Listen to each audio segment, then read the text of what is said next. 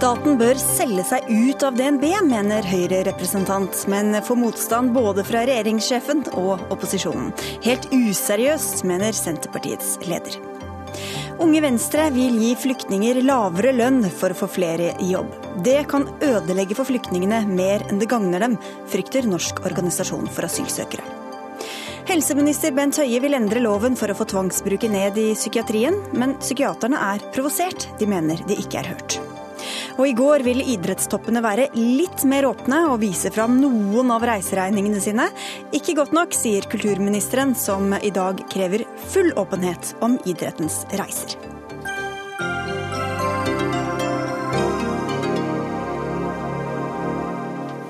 God ettermiddag, du hører på Dagsnytt 18 på NRK P2 eller ser på NRK2 i studio Sigrid Solund. Staten bør vurdere eierskapet sitt og selge seg ut av DNB, mener stortingsrepresentant Sveinung Stensland fra regjeringspartiet Høyre. Den politiske brannfakkelen kommer samtidig som næringsministeren har sendt gårsdagens rapport fra DNB-ledelsen i retur til styret, med krav om flere svar på flere spørsmål om skatteparadisavsløringene i Aftenposten. I dag eier staten 34% av Norges største bank. Og Sveinung Stensland, allerede introdusert som stortingsrepresentant for eh, Høyre. Bakgrunnen er altså avsløringene av at eh, DNBs datterselskap i Luxembourg bistår kunder med å opprette postkasseselskaper i eh, skatteparadiser.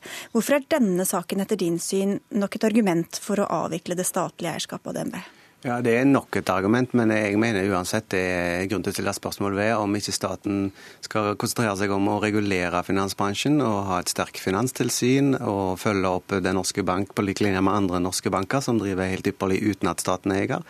Og jeg stiller også spørsmålstegn hvorfor Norges, staten skal eie i et, et av Norges største eiendomsmeglerkonsern. De er store innenfor pensjonssparing, innenfor fondsmegling og den type ting. Jeg stiller rett og slett spørsmålstegn ved om det er riktig at den norske stat eier såpass mye i en forretningsbank. Og det, Den debatten vi har hatt nå de siste ukene, viser at det at staten er eier, bare kompliserer hele debatten vi i dag har om skatteparadiser og norske selskapers rolle i dette. For, men da hadde jo heller ikke næringsministeren din hatt noe å stille opp med, så hvor, hva er det som kompliserer det, mener du, ved, i denne saken? Ja, spørsmålet er jo hva har staten hatt å stille opp med i årene som har gått? Hvordan har staten forvalta eierskapet sitt eh, tilbake i historien når de tingene her har oppstått? Det er jo mange år tilbake at det her er engasjementet i Luxembourg oppsto. Så jeg mener staten gjennom storting og regjering har faktisk dårlig evne til å styre eh, gjennom en minoritetspost. Hvis målet var at vi skulle styre banken fullt ut, så burde vi heller gått for å kjøpe, opp, eh, å kjøpe oss opp i DNB, og det vil jeg anta at det er ingen som er for. Det var ikke noe god attest til din egen næringsminister heller? Vel, det, der, jo, det, det, det, forholdet som vi har i dag, det er jo et forhold som har oppstått for mange år siden. Og jeg ser jo nå at næringsministeren er i full fart i gang med å klare opp i hva som har skjedd tilbake i 2007 og 2008. Men det mener jeg ikke er det viktige i saken. Det, det prinsipielle spørsmålet om Norge skal eie i norske forretningsbanker, altså staten, det er det jeg reiser. Og det er en debatt som står seg helt uavhengig av Panama Papers. Trygve Slagsvold Vedum, du er eh, leder av, av Senterpartiet og, og, og, stortingsrepresentant. Hvorfor i det hele tatt skal politikerne være med å styre en bank? Det er utrolig viktig at eh, vi i det lille, men flotte landet vårt Norge har noen hovedkontorer, noen store, tunge nasjonale lokomotiv. Eh, og det er DNB. Og det at vi har da en statlig eierpost på 34% sikrer at vi har eierskapet her, at vi har hovedkontoret her, at vi har et nasjonalt fokus.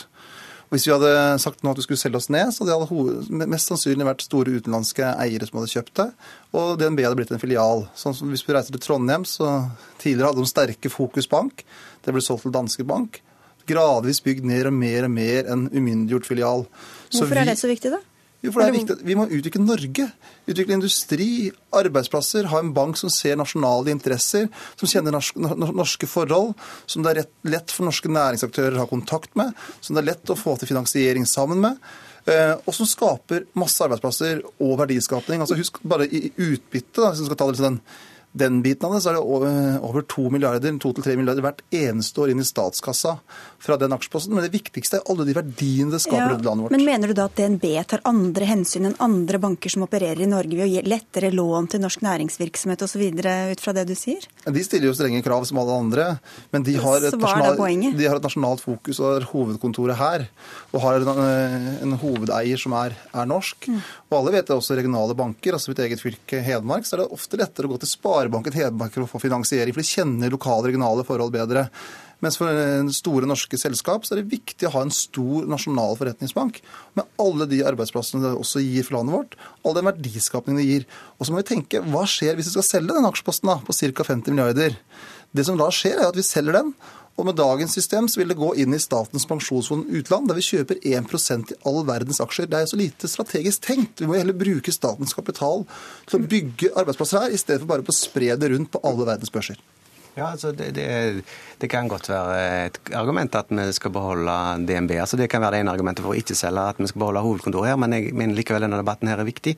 Og det er nå engang sånn at vi har en rekke andre banker i Norge som, eh, som finansierer norske selskaper. Og en del norske selskaper de velger selv å gå til utenlandske banker for å få tak i penger. Og endog så de største de bruker helt andre kanaler enn bankvesenet for å finansiere opp store investeringer. Så, så det, og det er jo en del, Her snakker en jo ned alle andre norske finansinstitusjoner, for det finnes en rekke andre andre banker i Norge som staten ikke eier i, som driver utmerka godt i samarbeid med norske selskaper. Men dersom det hovedkontoret da skulle forsvinne, så er det verdt det, mener du, for å slippe ja, den men en har, jo, en har jo veldig liten tiltro da, til norske selskaper at med en, gang, med en gang ikke staten eier 34% så forsvinner hovedkontoret ut. Det finnes en rekke eksempler på norske selskaper med hovedkontor i Norge der staten ikke eier 34 og Skal en følge den linja til Slagsvold Vedum, så må vi finne fram sjekkheftet og kjøpe opp en del bedrifter for å trygge at de er i Norge. Man kan jo gjøre det attraktivt ved andre rammevilkår osv.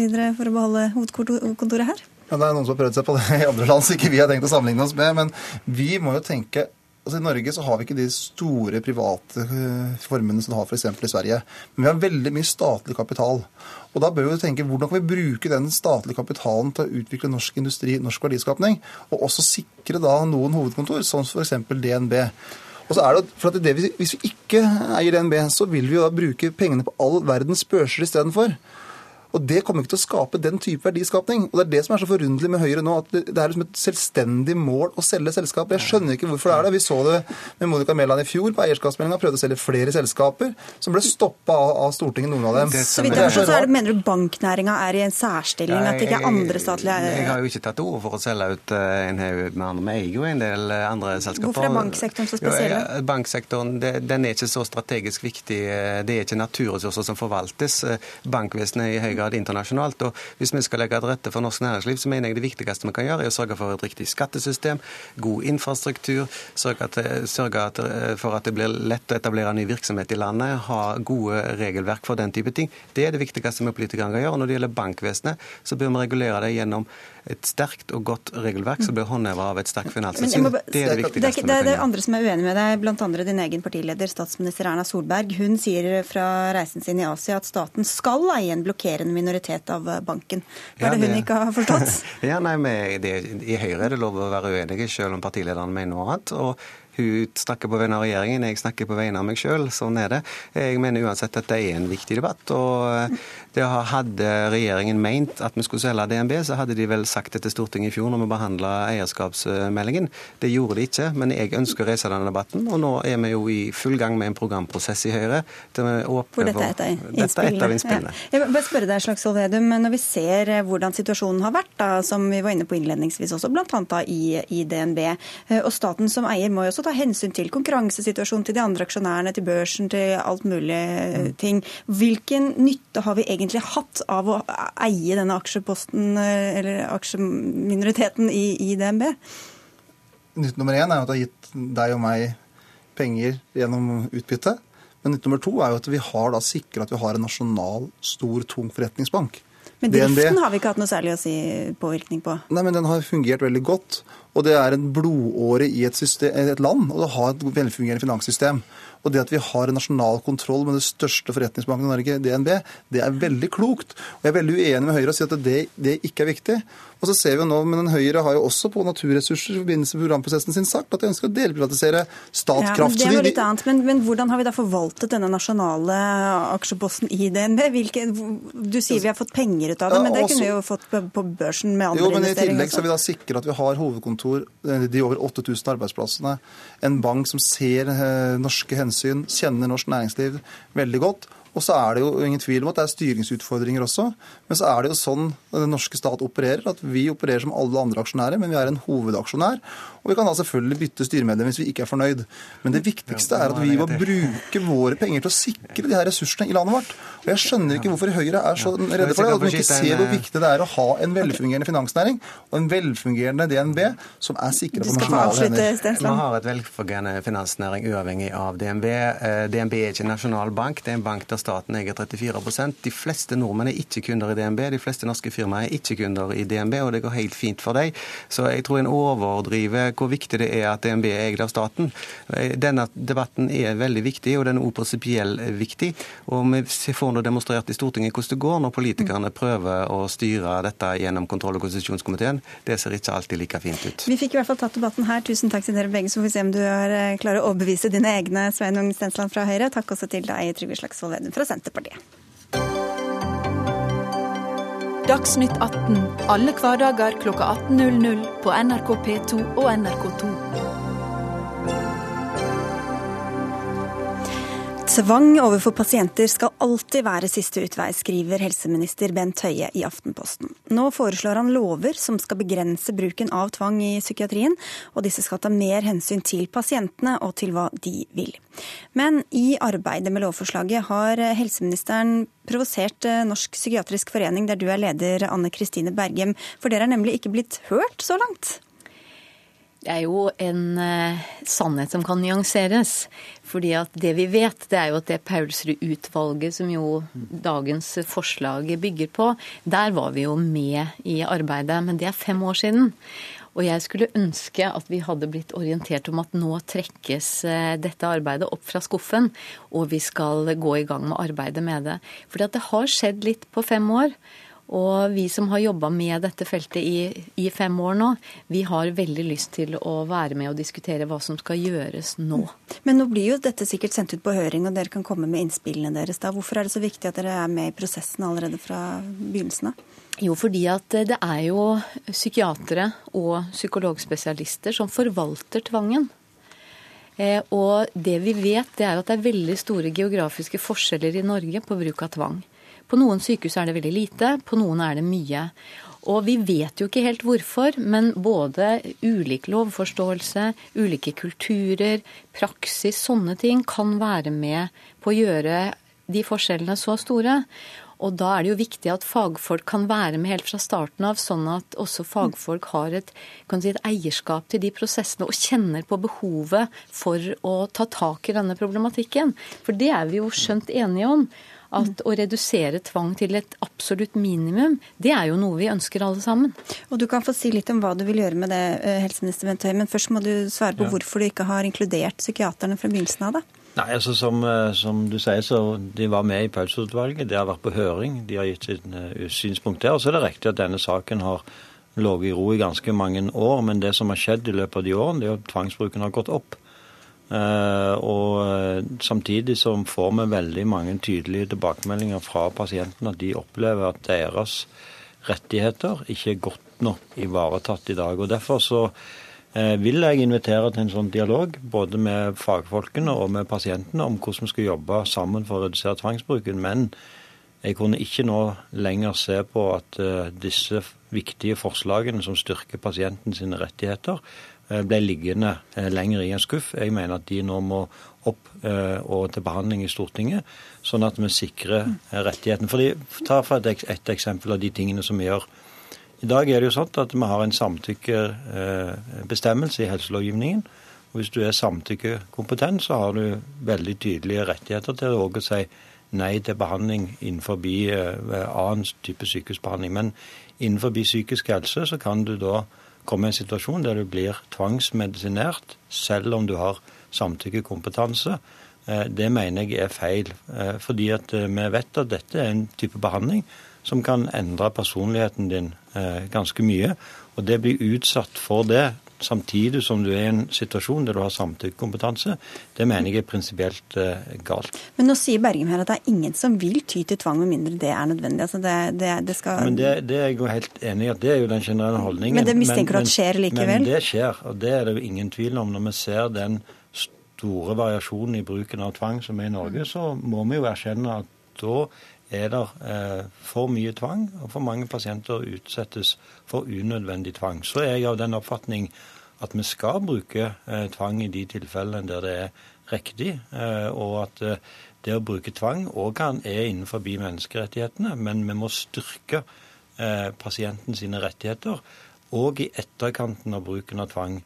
Når han er blitt utsatt for tvang, så mener jeg at da skal han i lovs form ha rett til å være med i en evaluering sammen med fagpersonen diskutere hvordan opplevde du dette, hvordan kan vi gjøre dette på en annen måte, eh, f.eks. hvis det skjer igjen, og dermed få eh, en, den prosessen som både vil være viktig for pasienten, fordi en får gitt uttrykk for hva han mener, men òg den læringen som ligger i helsetjenesten for en sånn prosess. Nå har Høie nevnt noen av disse punktene i det som skal være lovendringer. Er det andre, eller er det noe av det som dere mener ikke er treffsikkert nok eller godt nok eller, eller bra? Det som jeg har kommentert på, det er jo det at eh, jeg lurer jo litt på om det å, å vente fem dager istedenfor tre dager når det gjelder tvangsmedisinering f.eks., om det vil redusere tvang sånn sett under ett. Fordi at Det man vet, eh, det er at når man gjør det etter tre dager, så er det jo fordi at man vurderer at det er nødvendig, og at det gjerne er folk som er eh, alvorlig syke. Og hvis folk er alvorlig syke, og det er jo, det her er det snakk om psykose, så jeg vil jo gjerne også bare føye til det at det der med samtykkekompetanse er jo komplisert når det gjelder psykiske helseplager. For spørsmålet er er du samtykkekompetent når du har en psykose eller er du ikke det? Så det er, det er mange sånne spørsmål som vil bli nødvendige. Men, men jeg lurer litt på er, er det rette veien å redusere tvang på, eller må vi se på helt andre ting? Må vi se på eh, helse, psykisk helsekompetanse, på legevakt i helgene? Må vi fortsette å ruste opp eh, ACT-team, sånn at folk kan få raskere behandling der hvor de er? Det er ambulerende team. Ambulerende mm. team. Så det er, jeg tenker det er mange, altså mange sånne ting også som vi må se på. Så vi må ikke bare se på den institusjonstvangen som, eh, som gjelder noen. Vi må, vi må, se mye bredere. Mm. Du kan få svare på det, men bare først til det med samtykkekompetente. Jeg vil jo tro da at de som eh, ikke ønsker behandling i utgangspunktet, så skal de bli vurdert av en lege om de er samtykkekompetente. Og hvis de da blir, eh, blir, vurdert til å ikke være det, så får du den tvangsbehandlingen uansett. Hva, hva, hva får det egentlig å si? Jo, det vil jo ha det sett. Det er klart at uh, Vi forventer at eh, legene gjør en vurdering av pasientens samtykkekompetanse. Uh, og hvis pasienten er samtykkekompetent, og der, her skal jo òg som en oppfølging av lovarbeidet lage retningslinjer fra Helsedirektoratet som skal hjelpe helsepersonell til å gjøre disse vurderingene. Eh, så vil det bety at da eh, kan eh, pasienten si at nei, jeg ønsker ikke å få medisinsk behandling, og da ikke utsettes for, for tvang, selv om legen vurderer at denne pasienten kommer til å få dårligere helse som følge av det. Men hvis legen vurderer at pasienten i en sånn situasjon at det er fare for at pasienten tar sitt eget liv, eller at pasienten er sånn at det er en fare for at en kan skade andre, så kan en bruke tvang. Men hvis dette handler om at en ser at pasienten hadde hatt behov for medisinsk behandling for å bedre helsesituasjonen sin, men pasienten som har samtykkekompetanse sier nei, så skal pasienten få lov til det. Og jeg mener at dette er viktig prinsipielt for å sikre oss at vår tvangslovgivning er tydeligere innenfor grensene når det gjelder menneskerettighetene. Men jeg erkjenner at dette forslaget òg har noen dilemmaer. Det har et dilemma i forhold til pårørende, som i mange tilfeller vil ønske De sier at, at han vet ikke sitt eget beste, f.eks. Og vi ønsker at det skal brukes tvang. Og det har, har og dilemmaet dilemmaer overfor pasienten, som veldig fort kan bli enda sykere, og så miste samtykkekompetanse og få oppstarte behandlingen eh, senere. Ja, ja. Men så sier Bergem at eh, det er andre ting som også må ses på. altså Ikke bare lovendringer, men mer ressurser også. Ambulerende team, bedre kompetanse, økt bemanning, bedre standard.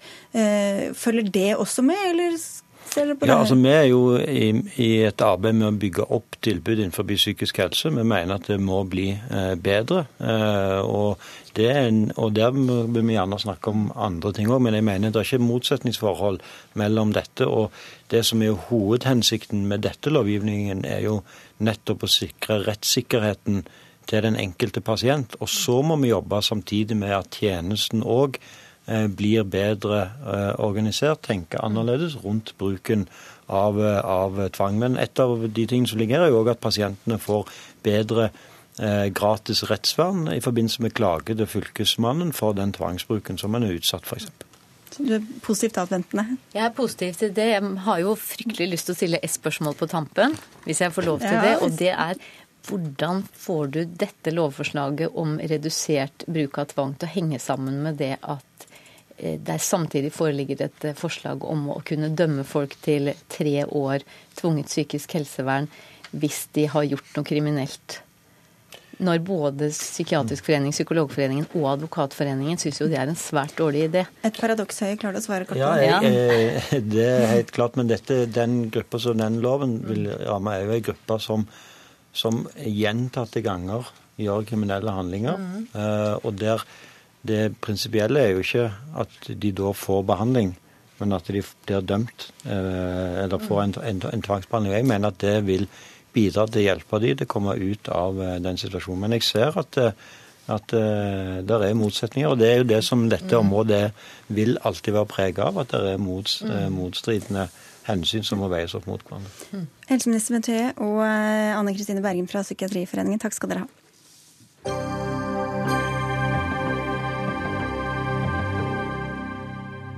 Først etter eh, hardt press fra flere hold gjorde idrettspresidenten reiseregningene sine offentlige i går, i hvert fall noen av dem. Samtidig satte Idrettsforbundet ned et utvalg for å se på hvordan det kan være mer åpenhet om pengebruken i idretten. Det skjedde etter flere, etter flere møter med deg, kulturminister Linda Hofstad Helleland. Og i dag krever du full åpenhet fra idrettspresidenten i et brev som du sendte til forbundet hans. Hvorfor ser du deg nødt til å kreve dette i dag, etter gårsdagens møte og alle tiltakene som de selv har satt i verk? Norsk idrett er avhengig av høy tillit ute i hele befolkninga. Det er mm, store midler av altså fellesskapets penger som eh, går til idretten. Eh, Og da er det også viktig at eh, det er åpenhet, og at det er tillit også til alle de frivillige eh, ute der. Alle de foreldre som betaler ganske mange tusen i, i kontingent i løpet av året. At også pengene som brukes på toppen, eh, forvaltes på en god måte. Nå har det kommet krav om dette i flere uker. Hvor godt syns du at Idrettsforbundet har svart på de kravene om mer åpenhet? Altså, Vi har jo hatt en dialog hele veien, eh, og jeg syns ikke det var tilstrekkelig. Jeg så meg nødt til å gripe inn, fordi det, en, det har vært en uholdbar situasjon eh, der vi ser nå at enkelte på kretsnivå, særforbund, ber om mer åpenhet og, og ønsker at nå må noe skje. Eh, Og det tror jeg er helt eh, nødvendig for å bevare tilliten til norsk idrett. Også som idrettspresidenten sier, vi er inne i en ny tid som krever en annen form for åpenhet. Og nå følte jeg at tilliten til norsk idrett ble svekka dag for dag. Eh, Det er i deres interesse å bevare høy tillit, og derfor så var det dessverre nødvendig å gripe inn og gjøre det jeg gjorde i dag. Var det ikke nok med de tiltakene de satte i verk i går, bl.a. dette utvalget? Eh, Det er fint å sette ned et utvalg, men eh, nå var tida inne for at eh, man må ta grep. Og Det var det som norsk idrett eh, nå er nødt til å gjøre. og Derfor så ønsker jeg at de skal legge alle kort på bordet. Jeg går ikke og tror at de har noe å skjule. Og jeg tror at det er bedre for Tom Tvedt, jeg tror det er bedre for norsk idrett, at man nå viser full åpenhet og sier at her kan man eh, komme og få innsyn i det man vil. Det er helt nødvendig. Ja, idrettspresident Tom Tvedt, velkommen tilbake til Dagsnytt 18. Tusen hjertelig. Eh, Åpen og til stede. Ja, jeg tenkte du starter med å si at du jeg i hvert hadde vist noen av mine reiseregninger. Da kan jeg bare si til deg, de Ja, har du fått alle mine reiseregninger, Ja. hvis du skulle skape tvil om det. Men de andres reiseregninger fra før du tiltrådte, har dere ikke lagt fram ennå. For dem som ikke husker det.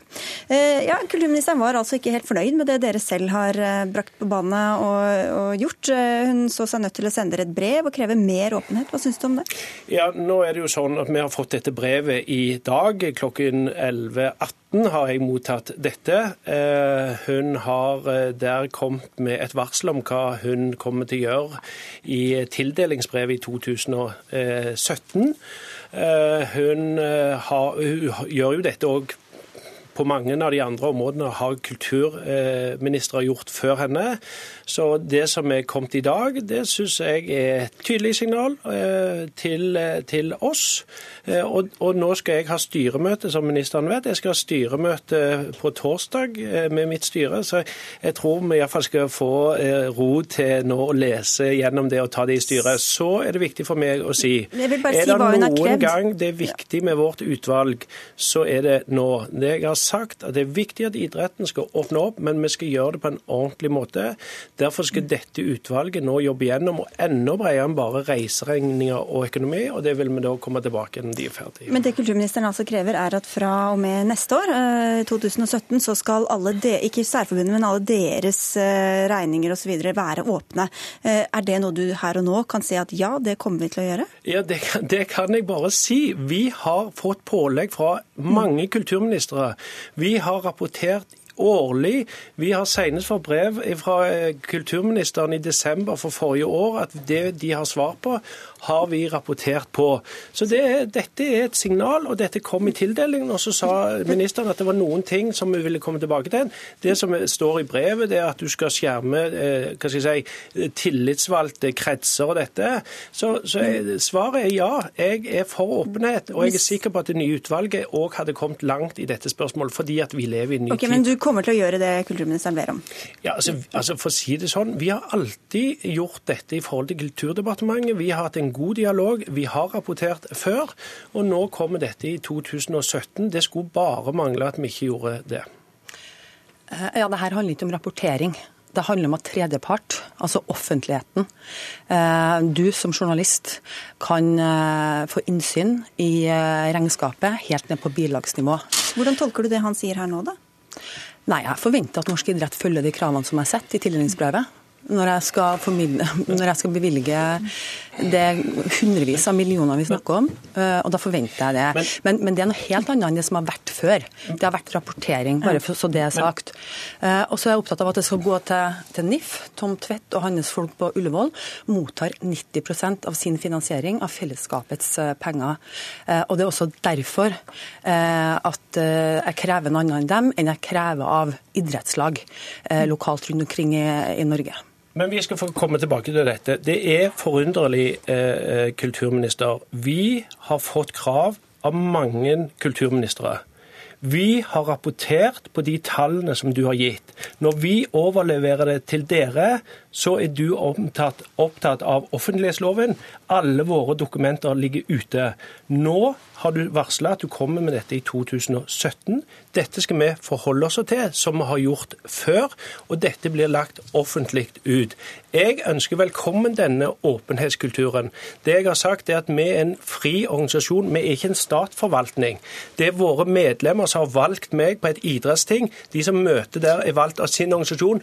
og Da er det forskjell mellom statsforvaltningen og det demokratiet som òg Linda Helleland var en del av i det idrettslaget sitt der ute. Og Det er jo nettopp det som er, har vært vårt poeng. Vi må nå ta dette brevet. Disse signalene kommer. Det som, som kommer, det skal vi iverksette. Og så er jeg opptatt av at denne åpenheten må gå mye bredere. Det tror jeg at norsk idrett vil stå opp i fremtiden. Når det er 90 statsfinansiert, Linda Hosse Helleland, nå er jo dette saker som har kommet opp i media de siste ukene. Hvor godt har dere fulgt opp hva pengene har blitt brukt til tidligere, da? Hvor åpent det har vært om, om disse regningene og alt mulig annet? Altså, det er som riktig som idrettspresidenten sier, at de har eh, rapportert. Tidligere kulturministre har godkjent eh, alle regnskap. Eh, de har en kontrollkomité, de har revisor, de har et ting som de rapporterer overfor. Men det som, det som er den store forskjellen nå, er at de gir tredjepart mulighet til innsyn ned på bilagsnivå. Men først er det masse press fra media, da? Mm, ja, nå ble jeg utnevnt som kulturminister like før jul, så jeg har ikke vært uh, i stolen så veldig lenge. Jeg har uh, fulgt norsk idrett tett. Jeg samarbeider veldig godt med Norges idrettsforbund. Men med den situasjonen vi nå var oppe i, så følte jeg at det var min plikt å gripe inn uh, og be om det her. og det er også som idrettspresidenten sier, at, at, vi er inne i en ny tid som, som krever noe, noe annet. Og det er derfor at åpenhet og innsyn er så viktig. Og vi var bare nødt for norsk idrett sin integritet. Du skal få svare samtidig, men bare spørre deg, for I går diskuterte vi bl.a. to flyreiser for to personer, som kosta altså over 114 000 kroner til sammen for disse, disse to reisene. Hva synes du om den pengebruken som er kommet fram så langt? Altså, det Jeg er opptatt Jeg går ikke inn og skal styre hvordan de skal bruke pengene sine. Jeg ønsker at norsk idrett skal være fortsatt en stor folkebevegelse eh, som skal styre seg sjøl. Det har jeg full respekt for. Og Det var derfor også jeg inviterte til to runder for å å få en bevegelse, og for at initiativet og tiltakene skal komme fra idretten sjøl.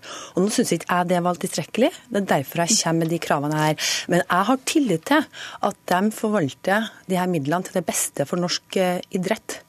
Eh, og på vegne av fellesskapets eh, midler, når det stilles spørsmålstegn og noen eh, tar til orde for at man mistenkeliggjør at idretten bruker midlene feil, da er det bra med åpenhet. Da er det bra med innsyn. For da viser man at man ikke har noen ting å skjule fra vår ståsted igjen. Jeg ble valgt i juni. Da ble alt lagt fram. Det var en demokratisk eh, prosess. Eh, og jeg sa den gangen at jeg skulle begynne å jobbe med dette. Det har jeg gjort. og Vi kommer til å gjennomføre dette. Og jeg har sagt til ministeren før vi retter oss etter de innspillene som er. Så må jeg si at alle våre inntekter er like verdifulle. Vi er opptatt av tillit. Det må vi skape hver eneste dag. Og da er det igjen, nå skal jeg tilbake til mitt styre, som har valgt meg mine medlemmer har jeg tilliten fra, eh, og det er det viktigste. Igjen, jeg har ikke fått noen tilbakemelding på det som har vært, og så tror jeg nå at vi skal gå videre, og så skal vi rapportere på dette. Jeg har ingen problemer. Jeg ser i VG i dag, der sammenligner de meg med den svenske ministeren for idrett. Han har ikke ansvar for olympisk, han har ikke ansvar for paralympisk, han har ikke ansvar Dette er ganske vesentlig. Ja, jeg vet det, men du fordi, sa det i går. Fordi, ja, men allikevel. Hvis du da tar den summen og ganger med tre, så er det de reisene jeg gjør. Jeg var på Ridderrennet. Man må iallfall sammenligne epler og pærer, hvis ikke så blir dette en unyansert debatt. Okay. Så bare for å konkludere på slutten her, da. Dere kommer til å gjøre det kulturministeren ber om, og kanskje litt eh, i tillegg ut fra det utvalget. Og enda mer, fordi at det er stole, og det er viktig for idretten. Takk skal dere ha, i hvert fall eh, begge to, eh, kulturminister og idrettsminister Linda Hofstad Helleland og idrettspresident Tom Tvedt.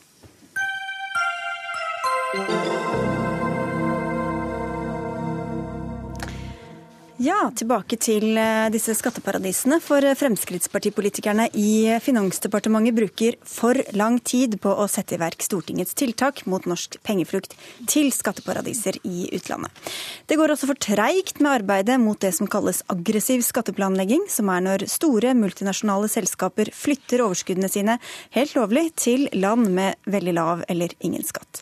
Dette er det du som sier til Dagens Næringsliv i dag, finanspolitisk talsperson i Arbeiderpartiet, Marianne Marianne Martinsen. Du sier at de trenerer tiltakene. På hvilken måte da? Stortinget har vært krystallklare gjennom flere vedtak på at vi ønsker mer finansiell åpenhet. Eh, og det vi opplever er jo at regjeringa sleper føttene etter seg, for å sitere leder av Tax Justice Network i Dagens Næringsliv eh, i dag.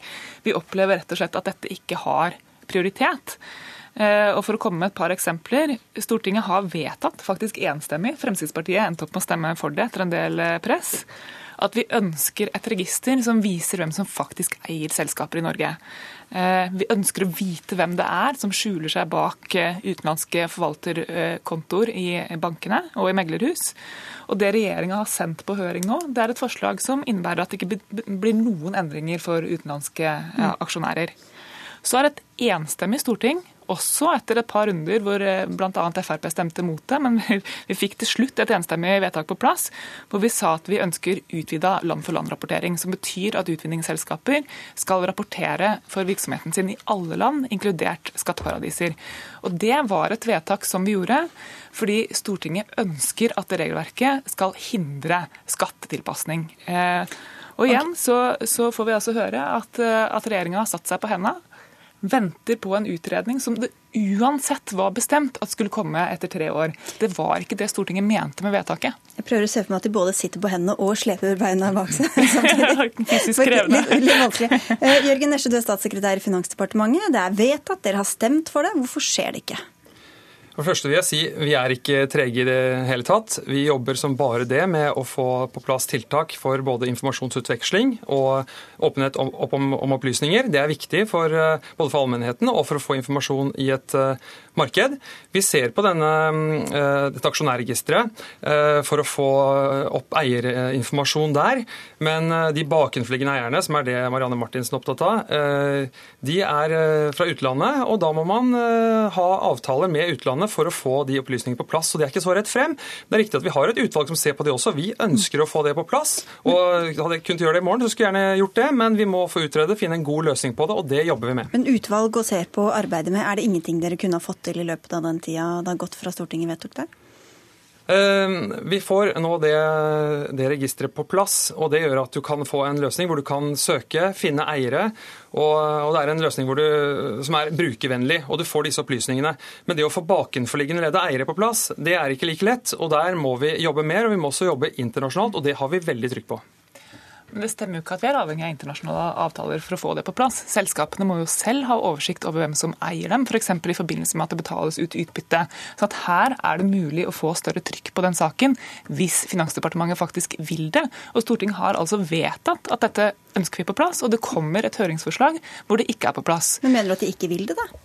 Ja, Det er jo eh, nærliggende å mistenke de for det. og Det samme gjelder denne land-for-land-rapporteringa. Eh, som sagt så, så, ble det vedtatt at vi skulle ha en evaluering etter tre år. Eh, så kommer vi påfølgende år. Stortinget sier eksplisitt at vi vil ha på plass utvida land-for-land-rapportering for å sørge for å forhindre uønska skattetilpasning. Land-for-land, det er liksom ikke alle som er helt inne i land-for-land-rapporteringa. Hvorfor er det viktig? Du var inne på det i stad, Siv. Land-for-land-rapportering innebærer at selskapene skal rapportere både for virksomheten sin, størrelsen på den, og hvor mye de betaler i skatt i alle land hvor de opererer. Eh, men det har vært begrensa fram til nå til land hvor de faktisk driver utvinningsvirksomhet. Dette gjelder for utvinningsselskapene. Og Det betyr at hvis du f.eks. har et datterselskap i et skatteparadis, så er du ikke pålagt å rapportere fra det skatteparadiset. Og da er det verdiløst som instrument for å hindre skattetilpasning. Og jeg lurer jo litt på hva Finansdepartementet og, og Nesje har trodd at Stortinget mente da, når vi vedtok at vi ønska denne utvida rapporteringa på plass. Tror dere virkelig at vi mente at vi skulle sitte og vente på en, på en utredning som uansett skulle skje etter tre år?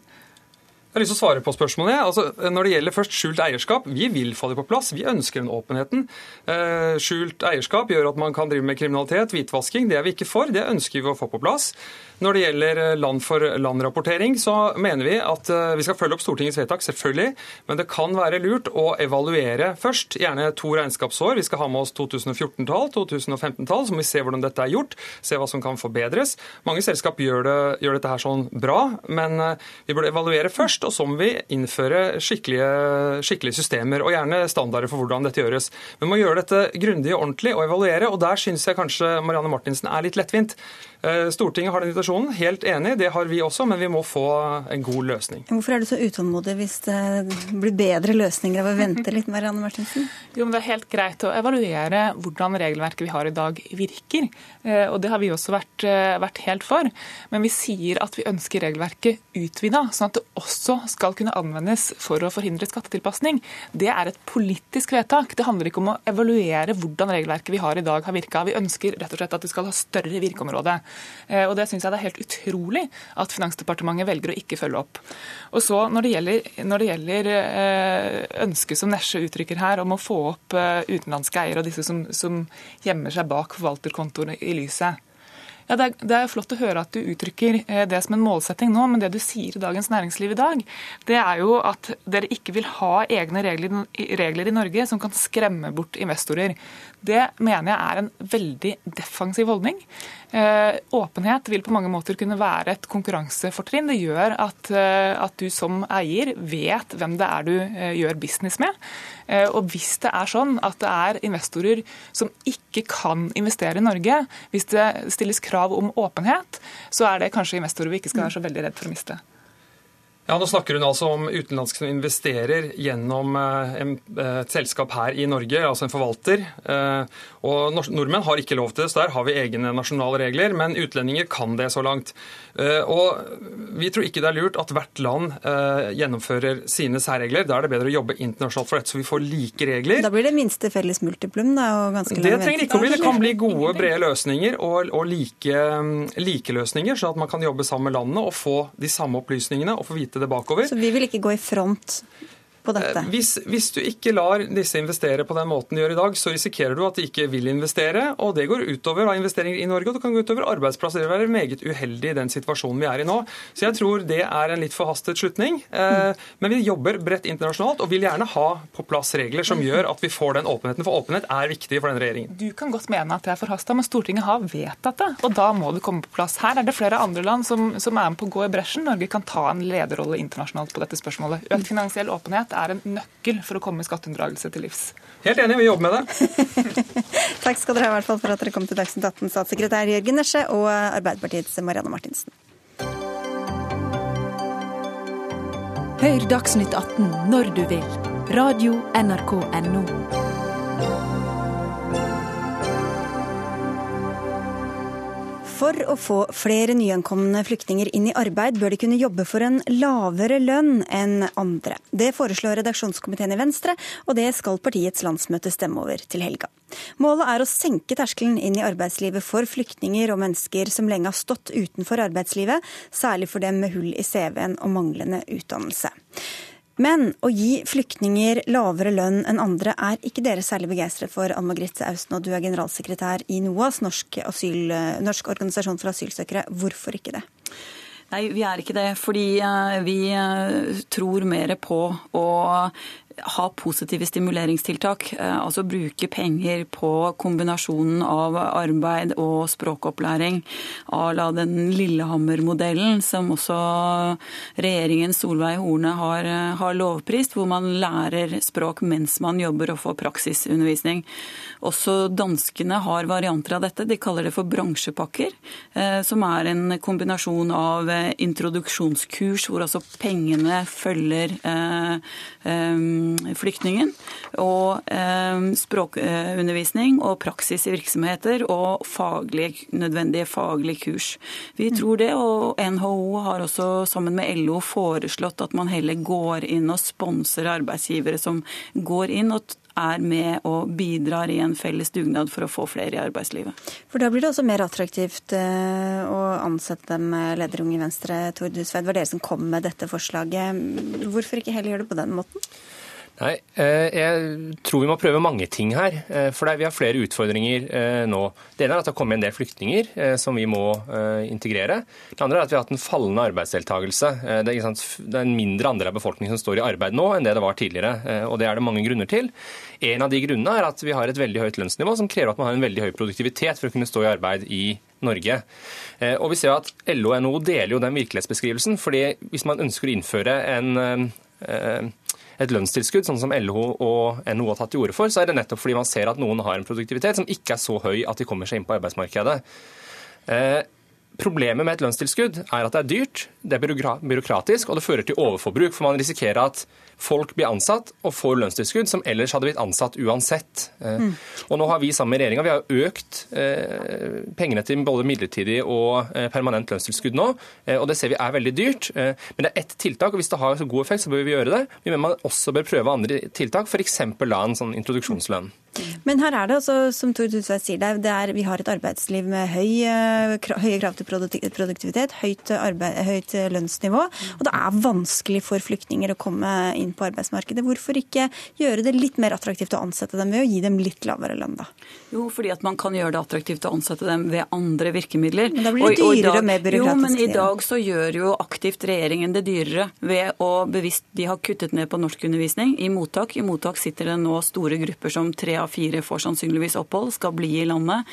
Og eh, man eh, har ingen per i dag aktiv kartlegging av kompetanse. Man velger å opprettholde en særnorsk lovgivning som sier at man ikke kan søke midlertidig arbeidstillatelse før etter asylintervjuet. Det tar gjerne et år før de kommer til asylintervju.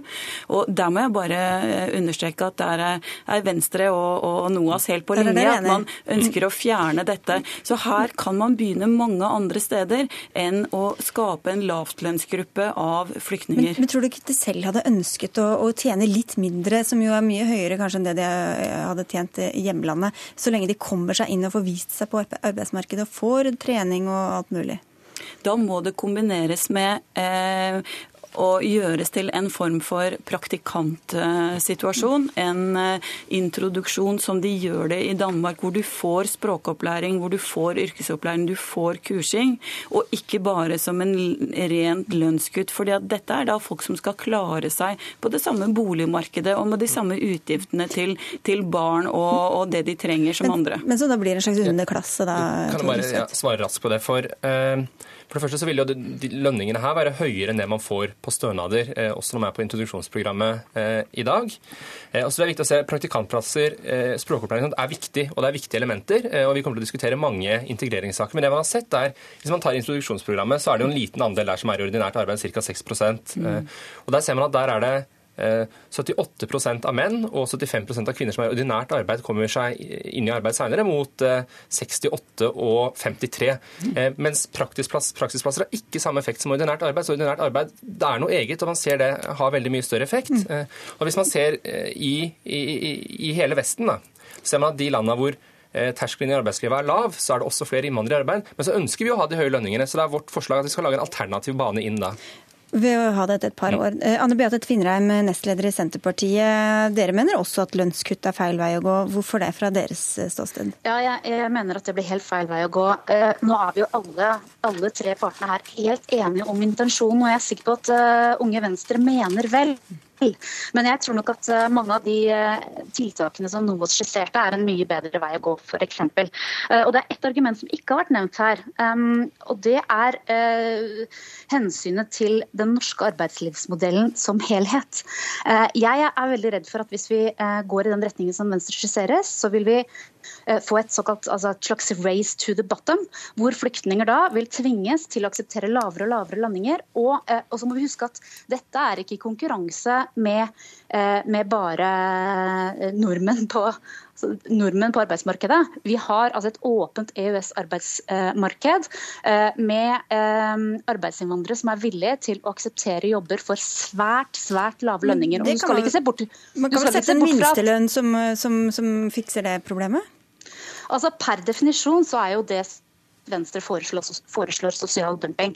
Og vi har dessverre allerede i dag litt kjennskap til hva som skjer i sektorer hvor eh, lønningene presses veldig fort nedover. Og det jeg er redd for, er at vi får da et arbeidsmarked hvor det får en sånn todeling, en A- og B-klasse, med noen underprivilegerte som tjener dårlig, og som, som Noah riktig påpeker her, da vil ha vanskeligheter med å integrere seg på boligmarkedet og andre områder, sånn som vi ønsker at skal gjøres. Det er utrolig viktig at flyktningene integreres i arbeidslivet, men det er ikke likegyldig hvordan det gjøres.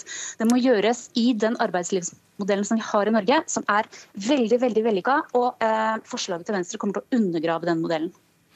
Nei, dette er For det første er det ikke sosial dumping. Det er å ta den norske modellen og så ser vi hva er det som fungerer godt. Jo, det er at vi har høye lønninger, høy produktivitet. Hva er det som fungerer dårlig? Jo, det er at det er vanskelig å integrere grupper som, eh, vært, som ikke er en del av arbeidslivet, i arbeidslivet. Eh, og det ser man, Hvis man ser på forskning, så er det sånn at land som har høy produktivitet, har de samme kjennetegnene som Norge. Er det vanskelig å integrere? I land som ikke har det, er det lett. Eh, poenget er vi ønsker ikke å være en del av den andre kategorien, så det er et forsøk på å lage en alternativ bane inn. Eh, og vi ser at det er mange som i dag ikke klarer kravene til det norske arbeidslivet. Utenforskapen utenforskapene er mhm. økende. Eh, og samtidig nå så kommer det en arbeidsledighetskrise hvor vi skal omstille økonomien, som gjør at det blir enda hardere konkurranse om jobbene. Da er spørsmålet hvordan kan vi gi de her da en mulighet inn? Jo, da er det her en god måte for å få de inn, istedenfor at de blir stående utenfor. Og en reell todeling her vil jo være hvis du får noen som blir stående permanent utenfor, og noen som er innafor. Det er et forsøk på å lage en bro inn i arbeidslivet. Okay, det, som, det, det som kjennetegner den norske arbeids, arbeidslivsmodellen, er bl.a. at vi har veldig små lønnsforskjeller og en fortetta lønnsstruktur. Eh, det å bevege seg bort fra det vil gjøre det vanskelig der forsvant du litt. Eh, du. Eh, en, en, god integrering, sånn som jeg ser det. Og så er det helt det vil gjøre det vanskeligere, å få til en god integrering, sånn som jeg ser det, hvis vi, hvis vi eh, undergraver modellen med små, små forskjeller. Og så er, er selvfølgelig, har selvfølgelig unge rett i at det er altså, Norge er et krevende arbeidsmarked for f.eks. For flyktninger. fordi en del av dem har ikke formalkompetanse og har lav kompetanse. Eh, og Da må vi jo se på nettopp de sektorene. da, hvor det kunne være mulig å integrere flyktninger. Og det er dessverre sektorer hvor veldig mange arbeidsinnvandrere har jobbene i dag. Det er så dårlig, det er så dårlig lyd på deg. Beklaget, Tvinrem. Det, det, er litt vanskelig å forstå hva du sier. Men, men eh, Austen, det er jo en ganske ekstrem situasjon vi står oppe i nå, med ganske mange som kommer. Og i tillegg til en eh, lav, eh, eller høy arbeidsledighet etter norske forhold fra før av. Hvorfor ikke da tenke litt originale tanker, sånn som Unge Venstre prøver her? Jo, vi skal tenke originale tanker, men jeg går inn for en annen type originalitet enn det Venstre gjør, og til å stimulere positivt istedenfor å kutte i lønn. Og Vi er særlig bekymret for det i NOAS når vi ser det sammen med kuttforslag både fra regjeringen og fra Venstre, eller innstrammingsforslag som går på det med en veldig høy sats eh, når det gjelder underholdskrav før familiegjenforening og familieetablering. Og skal man gå i to år på så lav lønn som det her åpnes for, så vil det i realiteten ikke bli mulig på, på veldig lang tid. sånn at at her må man se ting litt i sammenheng. Og det er altså en regjering nå som, som Venstre eh, samarbeider nært med. Og ser man disse forslagene i sammenheng, så blir det en gruppe som både må leve på en lavere lønn enn andre, og ikke vil få tilgang til en hel rekke rettigheter. Mm. Ja, nei, eh, Til det med familiegjenforening først, så er jeg veldig glad Venstre har sagt nei til alle de forslagene. Men jeg syns det blir litt på siden her. For spørsmålet her er hvordan skal vi få folk inn? Hvis alternativet er å stå utenfor, så vil det her være et bedre forslag. Men, helt på tampen, ja, Venstre foreslår også økte satser når det gjelder underholdskrav. Eh, men bare til et litt annet punkt eh, helt på slutten her. Eh, det blir jo da sånn at det blir mer lønnsomt for arbeidsgivere å ansette denne gruppa eller de andre gruppene dere nevner. Sett opp mot f.eks. andre som også faller uten, f.eks. norske ungdommer. Så vil jo det da bli enda vanskeligere for dem igjen å komme inn i arbeidslivet. Ja, men i prinsippet så vil jo ikke det være noe forskjell på det forslaget vi har her og det forslaget LO og NHO har fremma om lønnstilskudd. Lønnstilskudd. Så det vil også gjøre det vanskeligere for andre grupper. Ja, Men det gjør det ikke noe bedre heller. Ja, nei, nei. Men jeg tror det her er riktig vei å gå for det. Men jeg ser i dag så har man på de allmenngjorte tariffavtalene har man en dag sånn at unge kan få litt lavere lønn inn, fordi man ser at unge er litt mindre produktive. og Det er det samme vi ønsker å gjøre her for det skal skape en vei inn i arbeidslivet. Vi har noen som står og venter utenfor. Vi må bare beklage og si tusen takk til dere alle tre for at dere var med i Dagsnytt 18.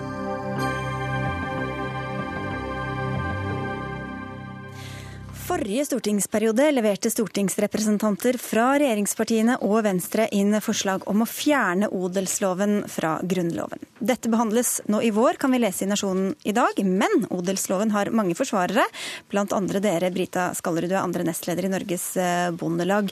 Hvorfor er det så viktig å beholde denne odelsretten?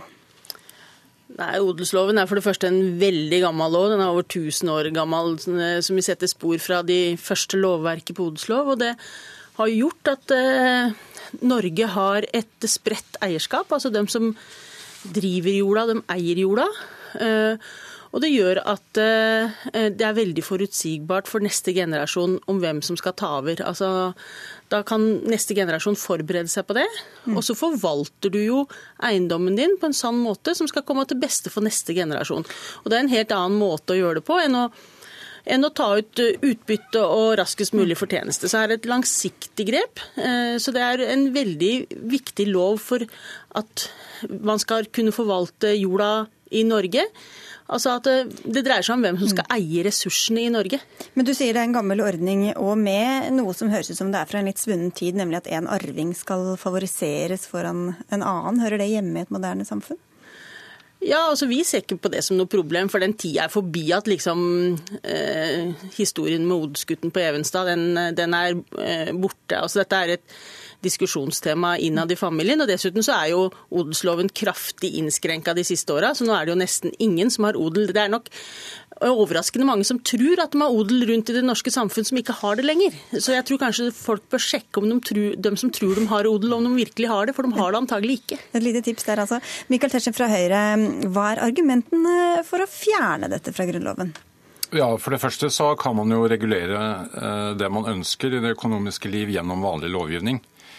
Men også fordi eh, odelsloven har, eh, altså bestemmelsene i Grunnloven har overlevet seg selv. fordi Det betyr jo ikke at eh, den sikrer jorden for uh, fremtidige generasjoner. Det betyr jo til og med at det er en løsningsrett hvor, hvor noen som har en slektsmessig tilknytning, kan fortrenge de som ellers skulle overtatt gården via vanlig arv. La meg presisere at vi er for vanlig overgang mellom generasjonene, hvor man kan arve et gårdsbruk, akkurat som man kan arve en leilighet i, i en av byene våre. Så, så, det er ikke det som, eh, som, er problemet. Problemet er nettopp at man legger vekt på en veldig snever krets, som da kan eh, overta jordbruksjord eh, i Norge. Og det betyr jo at man også da undergraver det man kaller realkreditten i landbruket. Dvs. Si at det blir usikkert om den som har gård nå, kan, kan sitte på den over lengre tid. Og da sier jo bankene Da blir bankene også forsiktigere. Og det blir også kortere perspektiv for de som skal investere i det gårdsbruket. Stikk i strid med det som er litt reklamemottoet her, nemlig at man har et langt perspektiv. Dette er jo en helt eh, omvendt eh, framstilling av hva som faktisk er virkeligheten. fordi at det Tetzschner her sier, er jo at man ønsker egentlig å få en fremmed kapital inn i norsk landbruk i større grad. Og det ser vi jo at Der hvor fremmedkapitalen kommer inn, så ønsker man også en avkastning på den kapitalen på en annen måte. Hvem, hvem mener, frykter du av den ja, fremmedkapitalen? Altså, vi ser at det har vært diverse angrep på odelsloven opp gjennom tiende. og Det, det kommer fra, eh, fra finanseliten og det kommer fra adelen på en måte fra gammelt av, som, som, gjerne vil inn her og, og, få tak i de her eiendommene. og Det ser vi har skjedd i nabolandene våre også. at det, det er kapitalsterke krefter som vil inn og kjøpe de her eiendommene. Eh, og det er det sikreste du kan investere i. Det er antagelig jord og skog i framover. Og Derfor så er det enda viktigere at de som eier jorda, kan drive jorda, og at ikke vi ikke får en sånn adelssystem. Og Det har jo odelsloven hindra at vi får. Og vi har altså ikke problemer i norsk landbruk i dag med å finansiere landbruket vårt. sånn sett. Altså Vi får lånt penger i banken fordi vi har en god nok sikkerhet og pantesikkerhet stort sett i nesten alle eiendommer i Norge. Jeg vet ikke helt hvem adelen er, det er kanskje deg? Det, det vet jeg neppe. Eh, men det er jo nettopp eh, Eh, jeg vet ikke hva som forsvarer den betegnelsen mest, nemlig en, en, liten krets som eh, forbeholdes retten til å kjøpe jordbruk i, i, Norge, fremfor det som ellers eh, man gjør i samfunnet, at man bosetter seg for, for forskjellige faser av livet i forskjellige faser av, av, landet. Altså, I praksis har det fungert greit, eller? Nei, det har jo ikke det. For hvis du ser uh, Særlig har det vært påpekt uh, bl.a. med utgangspunkt i, i uh, Eh, det som tidligere het Landbrukshøgskolen på Ås. Mm. Det økonomiske miljøet der har jo pekt på hvordan dette har undergravet muligheten til å reise vanlige banklån, og det er det jeg mener med fremmedkapital. Mm. Det, og det er det vi alle bruker når vi eh, ikke har sparemidler og skal kjøpe en leilighet.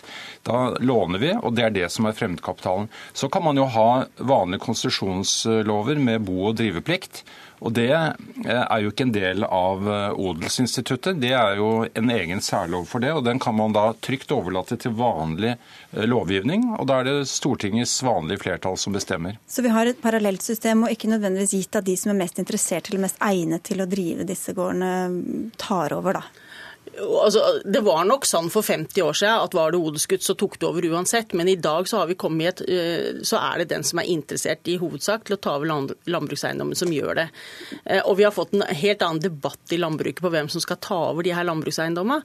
Men det er jo ingen, det er jo ingen eh, indre krets på en måte som får lov til det her. Det ligger utallige gårdsbruk på salg, så det er egentlig hvem kan... som helst kan få kjøpt seg en gård i Norge. Hvorfor er du da så redd for den fremmede kapitalen? Nei, men, altså, men, men, men da har man jo mulighet, så, så, det er på en måte ikke noe hinder. Altså, det ligger gårder på salg, men fordi at vi ønsker at hoveddelen av norsk gårdsbruk skal ha en odelslov og en odelsrett. Og med de nye reglene som kom for en del år siden, også sørget for at flere kvinner driver inn eh, landbruket? Tetzschner. Ja, Det er ikke noe diskriminering der. Det er jo de som kommer og som har interesse og kompetanse. Og det er jo nettopp det som har vært en innvending mot odelsinstituttet, nemlig at det er noen som har ment, også fordi de har jo da fått avslag i prisen. Det er jo det, no, også noe av det som er problemet. Problemet hadde vært mye mindre hvis det hadde vært eh, full omsettelighet og dermed også vært mulig å registrere hva som var en eh, riktig markedspris. Men denne usikkerheten som gjør at man kan få slå til seg et, et gårdsbruk som man ikke engang kjenner de som har drevet jorden. Fordi det er en løsningsrett mm. som kommer som en overraskelse på de som har drevet gårdsbruket frem til i dag. og Det er derfor det også er veldig mange rettssaker og mye konflikt rundt ja, men dette. Dette her er jo, dette her er jo, eh, altså dette er jo tidligere. Nå er, det, nå er det kun en kort rekke. altså Du har odelsrett kun eh, i rett nedadgående linje. Det kommer ingen gamle søskenbarn eller tanter og onkler som kan komme og ta over en eiendom lenger. Den er borte. Så dette er det beste vi kan ha for landbruket, og det er det beste vi kan ha for å produsere norsk mat på norske ressurser. Der kom den nå. Jeg er enig med høvlet litt av instituttet som gjør det lettere å leve med, ja, men Nå skal nå dette ja. behandles i Stortinget 10. mai, men det får vel leppe to tredjedels flertall som det egentlig trenger. Takk skal dere ha i hvert fall, Michael Tetzschner og Brita Skallerud. Dagsnytt 18 er over for i dag. Vi takker for oss, Ida Tune Øresland, Per Ivar Nordahl og jeg, Sigrid Solund. Thank you.